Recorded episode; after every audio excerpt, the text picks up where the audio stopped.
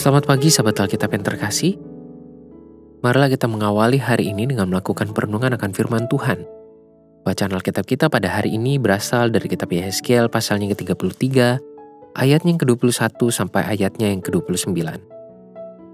Pada tahun ke-11 sesudah pembuangan kami, dalam bulan ke-10 pada tanggal 5 bulan itu, datanglah kepadaku seorang yang terluput dari Yerusalem dan berkata, Kota itu sudah ditaklukkan, maka kekuasaan Tuhan meliputi aku pada malam sebelum kedatangan orang yang terluput itu, dan Tuhan membuka mulutku pada saat menjelang kedatangan orang yang terluput itu pada pagi hari. Mulutku sudah terbuka, dan aku tidak bisu lagi. Lalu datanglah firman Tuhan kepadaku, Hai anak manusia, orang-orang yang tinggal pada reruntuhan-reruntuhan ini, yaitu yang tinggal di tanah Israel, berkata begini, Abraham adalah seorang diri, tatkala ia mendapat tanah ini menjadi miliknya. Tetapi kita banyak, tentu tanah ini diberikan kepada kita menjadi milik. Oleh karena itu katakanlah kepada mereka, Beginilah firman Tuhan Allah, kamu makan daging dengan darahnya, kamu melihat juga kepada berhala-berhalamu, dan kamu menumpahkan darah. Apakah kamu akan tetap memiliki tanah ini? Kamu bersandar pada pedangmu, kamu melakukan kekejian dan masing-masing mencemari istri sesamanya. Apakah kamu akan tetap memiliki tanah ini? Katakanlah begini kepada mereka, Beginilah firman Tuhan Allah, Demi aku yang hidup, orang-orang yang tinggal pada reruntuhan-reruntuhan akan mati rebah oleh pedang. Dan orang-orang yang padang akan kuberikan kepada binatang liar menjadi makanannya, dan orang-orang yang di dalam kubu dan gua akan mati kena sampar. Tanah ini akan kubuat musnah dan sunyi sepi, dan kecongkakannya yang ditimbulkan kekuatannya akan berakhir. Gunung-gunung Israel akan menjadi sunyi sepi, sehingga tidak seorang pun berani melintasinya. Dan mereka akan mengetahui bahwa akulah Tuhan, pada saat aku membuat tanah ini musnah dan sunyi sepi, oleh karena semua perbuatan-perbuatan mereka yang keji yang mereka lakukan. Mulut Yehezkiel yang membisu menjadi simbol ketiadaan firman Tuhan dalam hati dan pikiran setiap orang Israel yang semakin kehilangan iman dan ketaatan kepada Tuhan. Meski demikian, kepongahan yang terlalu besar menguasai mereka tetap menjadi penghalang bagi terbentuknya kesadaran atas segala kesalahan dan dosa yang mereka perbuat. Seluruh kritik kenabian yang Tuhan sampaikan melalui Heskiel seolah tidak berarti apa pun. Bahkan, mereka masih merasa punya hak untuk memaksa Tuhan membela mereka di tengah segala kejahatan mereka di hadapan Tuhan.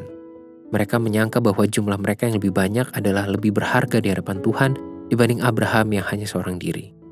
Namun, Tuhan tidak membiarkan pemahaman tersebut berkembang menjadi kebenaran yang beredar luas pada orang Israel.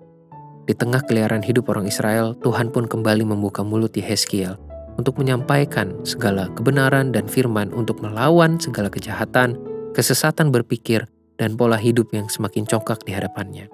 Bahkan, firman yang baru disampaikan kembali oleh Yehezkiel menjadi sebuah berita teguran yang sangat keras sekaligus menjadi kabar kebinasaan yang jauh dari ekspektasi serta kesesatan berpikir orang Israel.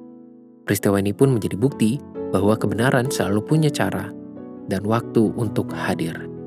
Sahabat Alkitab, mungkin ada di antara kita yang mulai kehilangan semangat dan pengharapan melalui dan menghadapi beragam tindakan jahat atau ketiadaan yang semakin merajalela. Mungkin ada juga di antara kita yang entah sadar maupun tidak telah semakin congkak di hadapan Tuhan karena merasa berhak mengklaim berkat Tuhan di tengah cara hidup yang justru sedang menolak otoritasnya. Kiranya firman Tuhan pada hari ini cukup untuk membangkitkan kesadaran pada diri kita masing-masing bahwa Tuhan selalu punya cara dan waktu untuk menunjukkan kebenarannya. Kita hanya perlu membuka hati untuk menerima dan meresapi segala kebenaran yang berlandaskan firman Tuhan ke dalam segala aktivitas harian kita.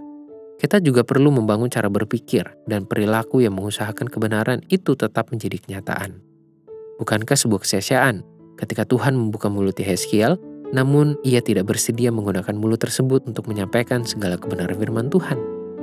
Bukankah sebuah kesia-siaan ketika kita mendengar dan mendapatkan kebenaran firman Tuhan, namun melupakan dan membangun budaya hidup yang menolak firman tersebut? Jadi, apakah Anda mau menjadi mulut yang menggaungkan firman Tuhan? Marilah kita berdoa. Tuhan, kami sadar bahwa kehadiran kami di dunia ini tidak terlepas dari misi keselamatan yang Tuhan lakukan bagi seluruh ciptaan. Tolonglah kami untuk menjadi gaung bagi kebenaran firman Tuhan. Sehingga setiap firman yang boleh kami dengarkan itu boleh terdengar, tersampaikan kepada dunia di mana Tuhan mengutus kami.